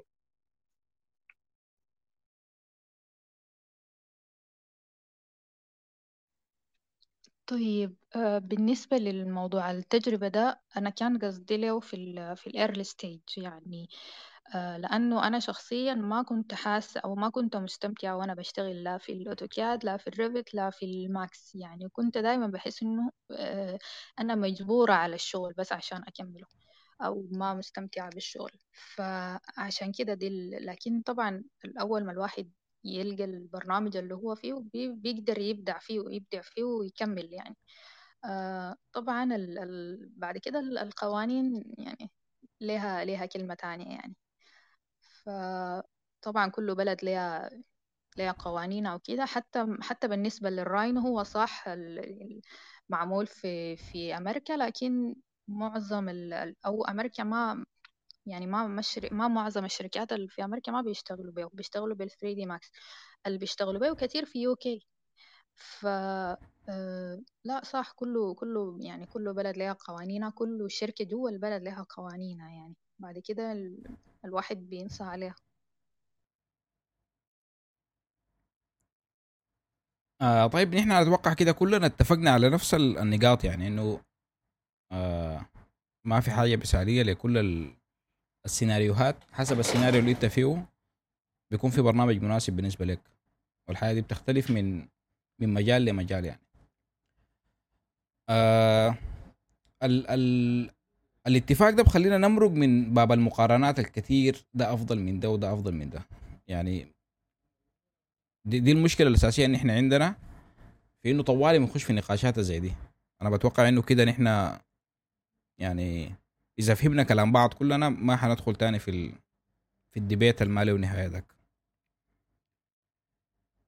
آه، أبشرك يا يا ماو يا محمد.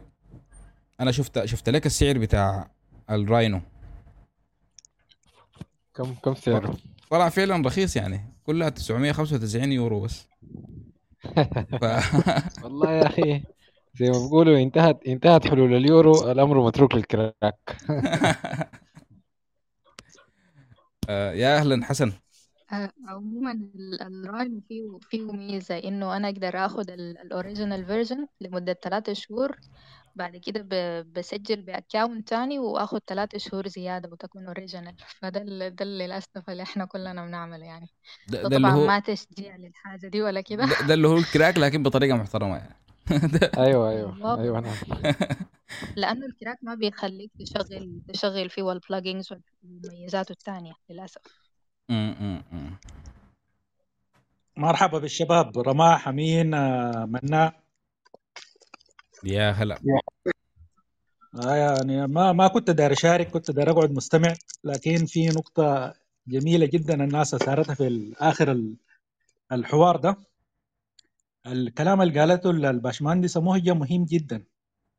ال Rhino أي شخص بيتعامل بالشغل بتاع ال modeling واجباري الناس ماشية في اتجاه ال BIM لازم يتعامل يتعلم ال Rhino ايا كان تخصصه سواء كان architect أو كان mechanical engineer electrical engineer أو structural engineer يعني ال Rhino حاليا هو ماشي لأنه يكون العصب بتاع ال BIM لأنه في حاجات صغيرة أنت بتحتاج تربطها بين كل تخصص والتاني.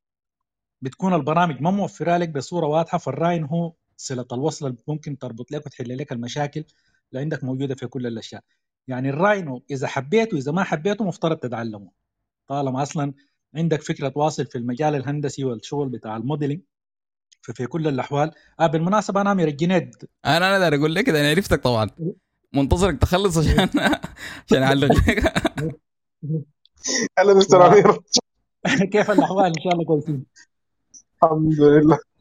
أي. فالمرة اللي فاتت أنا كمان كنت مستمع يعني. فدائما بفضل اكون مستمع في في الجلسات دي الواحد بيكون مرتاح. لكن في لأنه النقطة بتاعت الذكريات المهجه دي. دي نقطة مهمة جدا. يعني الناس اللي قاعدة هنا دي كلها طالما أصلا مش هم بران. يعني العالم أصلا خلاص ماشي في اتجاه ال BIM زي ال AutoCAD زمان الناس كان بتستهون به في الآخر بقى إجباري. كمهندس لازم تكون بتعرف AutoCAD. وإلا حتلاقي إنه فرصك بقت إنك حتكون بس حتكون شغال في الموقع. يعني بقيت بعيد من التصميم. فحاليا لقدام الموضوع ماشي لل BIM طالما الناس ماشيه حتشتغل في التصميم وماشية في ال BIM ايا كان تخصصك مفترض ال Rhino تعرفه. دي حاجة من الحاجات الأساسية. النقطة الثانية ال comfort zone بتاعك مفترض يكون في برنامجين. يعني أصلا ال- السياسة بتاعت إنك أنت تعرف تجيد برنامج واحد إجادة تامة وبرامج ثانية نص كم ما ما بتخدمك في الحياة. زي اللغات. يعني بتعرف لغة عربية فقط برضه ما بتخدمك. يعني اللغة العربية هي ال comfort zone بتاعك. يعني شغال في الوطن العربي ممكن تمشي حالك باللغة العربية لكن مرات بيكون في فرض مواقف معينة انت محتاج تعبر باللغة الإنجليزية حتى في الوطن العربي. يعني ما إلا تمشي دولة أوروبية حتى انت تلقى نفسك ملزم تتكلم بالإنجليزي. مرات في حتتك اللي أنت قاعد محتاج تتكلم إنجليزي مرات بيجيك واحد بيتكلم فرنسي مرات بيجيك يعني محتاج إنك أنت على الأقل تعرف لك لغة ثانية مع اللغة العربية بتاعتك. يعني لو ما لغتين ثلاثة على الأقل لغة واحدة. يعني يكون عندك لغتين أنت بتجيدهم وبتعرف تتعامل بهم وتعبر بهم. نفس البرامج مفترض يكون عندك برنامجين البرنامجين دي اللي انت بتجيدهم وبتعرف تعبر بهم. برنامج بيكون في حتتك اللي انت شغال بها زي اللغة العربية للوطن العربي وبرنامج لجهة ثانية عارف انه بيخدمك لو مشيت حتة ثانية فلذا الاعتماد على برنامج واحد باعتباره ده ال comfort zone بتاعك ده ما comfort ده نقص في في في إعدادك انت لنفسك عشان تواجه سوق العمل في المستقبل الماشي. بالنسبة للغات البرمجة كذلك دي واحدة من الحاجات اللي أنا دائما بقولها للناس إنه لغات البرمجة حاليا بقت زي لغة المخاطبة. لازم تجد لغة برمجة. يعني حتى الأطفال الصغار حاليا الناس بدأت تبدا معاهم لغات البرمجة وبقت في لغات كثيرة سهلة. يعني سهلت ما زي زمان الناس بتبدأ تشتغل بالبيزك والفورتران والباسكال والحاجات دي.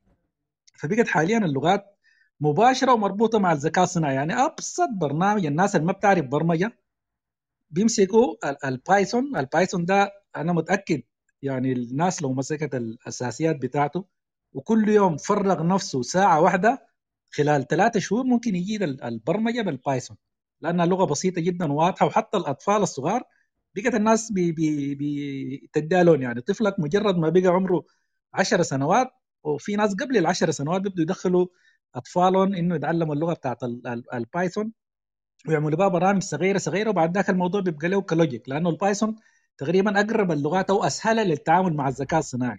كمان العالم ماشي لقدام للموضوع بتاع الذكاء الصناعي فالناس طالما عندها نيه يعني ممكن يكون ما في الوقت الحالي لكن بعد عشر سنوات إن شاء الله فالعالم ده كله حيكون الحاجات دي كلها طالما داخله ال smart cities والأجهزة كلها ماشية smart والإنترنت ماشي متقدم والحياة كلها بقت قدام الشاشة بتاعتك بتاعت الكمبيوتر. فال artificial intelligent حيكون من الحاجات السائدة والمطلوبة منك عشان انك تأدي بها وظائف كثيره جدا. آه فلازم تتعلم لغة برمجة. كذلك ال Rhino برضه حتى الناس اللي ما حابه ال Rhino بالمناسبة ما برنامج كبير يعني ما برنامج محتاج منك انت شهرين وثلاثة عشان تجيده. برنامج فيه أشياء بتاعت logic ومنطق أكثر من الشغل بتاع إنك انت داير ترسم والقوائم الكثيرة القائمه دي فيها شنو؟ بتوديني شنو؟ transfer يعني برضه البرنامج بسيط. برضه الناس إذا أخذت فيه قعدت فيه فترة بس بتاعت شهر واحد ممكن أنت تعرف التعامل بتاعك معه كيف. يعني شهر كافي انك أنت تفهم المتطلبات الأساسية اللي بتؤدي لك شغلك اللي أنت داير تقوم به وبعد ذاك بالممارسة بتبدأ تكتشف الحاجات الصغيرة صغيرة الموجودة فيه وممكن تخدمك في حاجات تانية أكثر من الحاجة اللي أنت دايرها. ف... ف... فدي نقطة مهمة جدا مفترض الناس اللي كانوا بيتناقشوا فيها يثبتوها كحاجة أساسية. بعد ذاك ممكن يشوف غيرها من البرامج. آه، بالنسبة ل آه، آه، الفكرة بتاعت ال BIM في الفترة الأولى أو في السنوات اللي فاتت كان صعب إنه واحد بيشتغل ArchiCAD وواحد ثاني بيشتغل Revit يقوموا يقدروا يعملوا integration لل model بتاعتهم مع بعض. يعني إذا في واحد مثلا mechanical engineer شغال بال Revit وواحد architect شغال بال ArchiCAD فكان إنه صعب إنه يدمج الاثنين مع بعض لأنه البرنامجين ما كان في توافق بيناتهم وما في روابط معينة أو plugins عاملينها الشركات المعتمدة سواء كان بتاعت ال Revit أو سواء كانت ArchiCAD تربط البرنامجين مع بعض. حاليا الفكرة الأساسية بتاعت ال BIM إنك أنت طالما اشتغلت ببرنامج البرنامج ده مضمن تحت اسم BIM ف automatically مفترض يكون في plugin بيحول لك الموديل بتاعك من ال ArchiCAD لل AutoCAD كحاجة أساسية عشان أنت تقدر تعمل بها ال coordination بين الحاجات. يعني ممكن يكون في materials موجودة في ال software الثاني ما موجودة هنا لكن لما نيجي نتعامل معاه ك integration كامل عشان نعمل ال clash analysis بياخذ لك الأشياء ال basic يعني بياخذ لك ال walls ال finishing بتاعك ال ال ال الأشياء الأساسية. بياخذها لك ك data بس عشان يطلع لك ال analysis بتاعي. يعني حتى لو ما طلع لك بنفس الجودة في الآخر الشغل بتاع ال rendering والاصهار والأشياء النهائية اللي أنت دايرها كمعماري ممكن تطلعها من ال من ال ArchiCAD مباشرة. لكن الغرض الأساسي إنه التضارب بين التصميمات مع بعض أنت بتقدر تطلعه حتى لو شغال بموديل ثاني ومتوقع لقدام إنه حتى ال materials يكون في ربط له بحيث إنه البرنامج يعرف ال material بتاعته الموجودة هناك بنفس الحاجة الموجودة هنا. فدي شغالين فيها برضه ومجرد ما يخلصوها حيكون فعلا ال BIM هو عبارة عن BIM شامل لكل الأشياء. يعني حيربط الناس كلها ايا كان شكل برنامجك اللي أنت بتشتغل به طالما خلاص تم دمجه تم اعتماده في السلسلة فما حيكون عندك مشكلة. لكن في الوقت الحالي لحد ما الناس تصل للمرحلة دي الحالي ملزم إنك أنت تجيب لك برنامجين وتشتغل بهم بغض النظر عن رضاك عنه ومعليش طولت عليكم وشكرا لإتاحة الفرصة. آه شكرا لك والله كالعادة المداخلة يعني ممتعة. كنا مستمتعين وأنت لو وصلت ما عندنا أي مشكلة يعني. آه من النقاط المهمة اللي أنت ذكرتها موضوع تعلم البرمجة. آه أنا صراحة كنت يعني بفكر فيها إنه تكون واحدة من الحلقات وحتى كان اتناقشنا أنا ومهجه في الحاجة دي إنه دايرين نعمل حلقة تكون آه فيها موضوع التصميم بالكمبيوتر اللي هو جنريتد يعني وندخل فيها موضوع البرمجة ده. فإن شاء الله دي تكون يعني حلقة دسمة وموضوع ظريف. بس يعني نتمنى لو في ناس ممكن يرشحوا لنا متحدثين في حلقة زي دي يكون ممتاز بالنسبة لنا يعني. آه إنه يعني معماريين يتعلموا برمجة واستفادوا منها في ال career بتاعهم. طبعا في ناس يتعلموا البرمجة آه كمعماريين لكن طلعوا من ال track الأساسي اللي هو التصميم وكده. بيقوا شغالين برمجة تامة يعني. ال team أنا كان حضرت لي زي آه webinar كده للناس اللي صمموا ال ArchiCAD. أغلبهم كانوا معماريين يعني. في النهاية قروا برمجة ومشوا في الاتجاه بتاع إنه يعملوا برنامج للمعماريين. ف فعلا الحاجة دي بدر الدين يا رماح اظن بدري كده زي اللي كان داخل في موضوع البرمجة اظن على الأوتوكاد. حاجة. كده. كده ممكن تسأله. آه كلام جميل. دي برضه ممكن تكون من الحلقات الكويسة. تمام. طيب نحن بكده وصلنا لنهاية حلقتنا. أتمنى الناس تكون آه لقت إجابات على الأسئلة أو إجابة على السؤال اللي إحنا سألناه في بداية الحلقة. آه الإجابات طبعا كانت بشكل غير مباشر لكن آه في شوية عوامل وأسئلة كل واحد حيسألها لنفسه وعلى الأساس ده حيقدر يلقى البرنامج المناسب بالنسبة له. آه والسلام عليكم ورحمة الله وبركاته.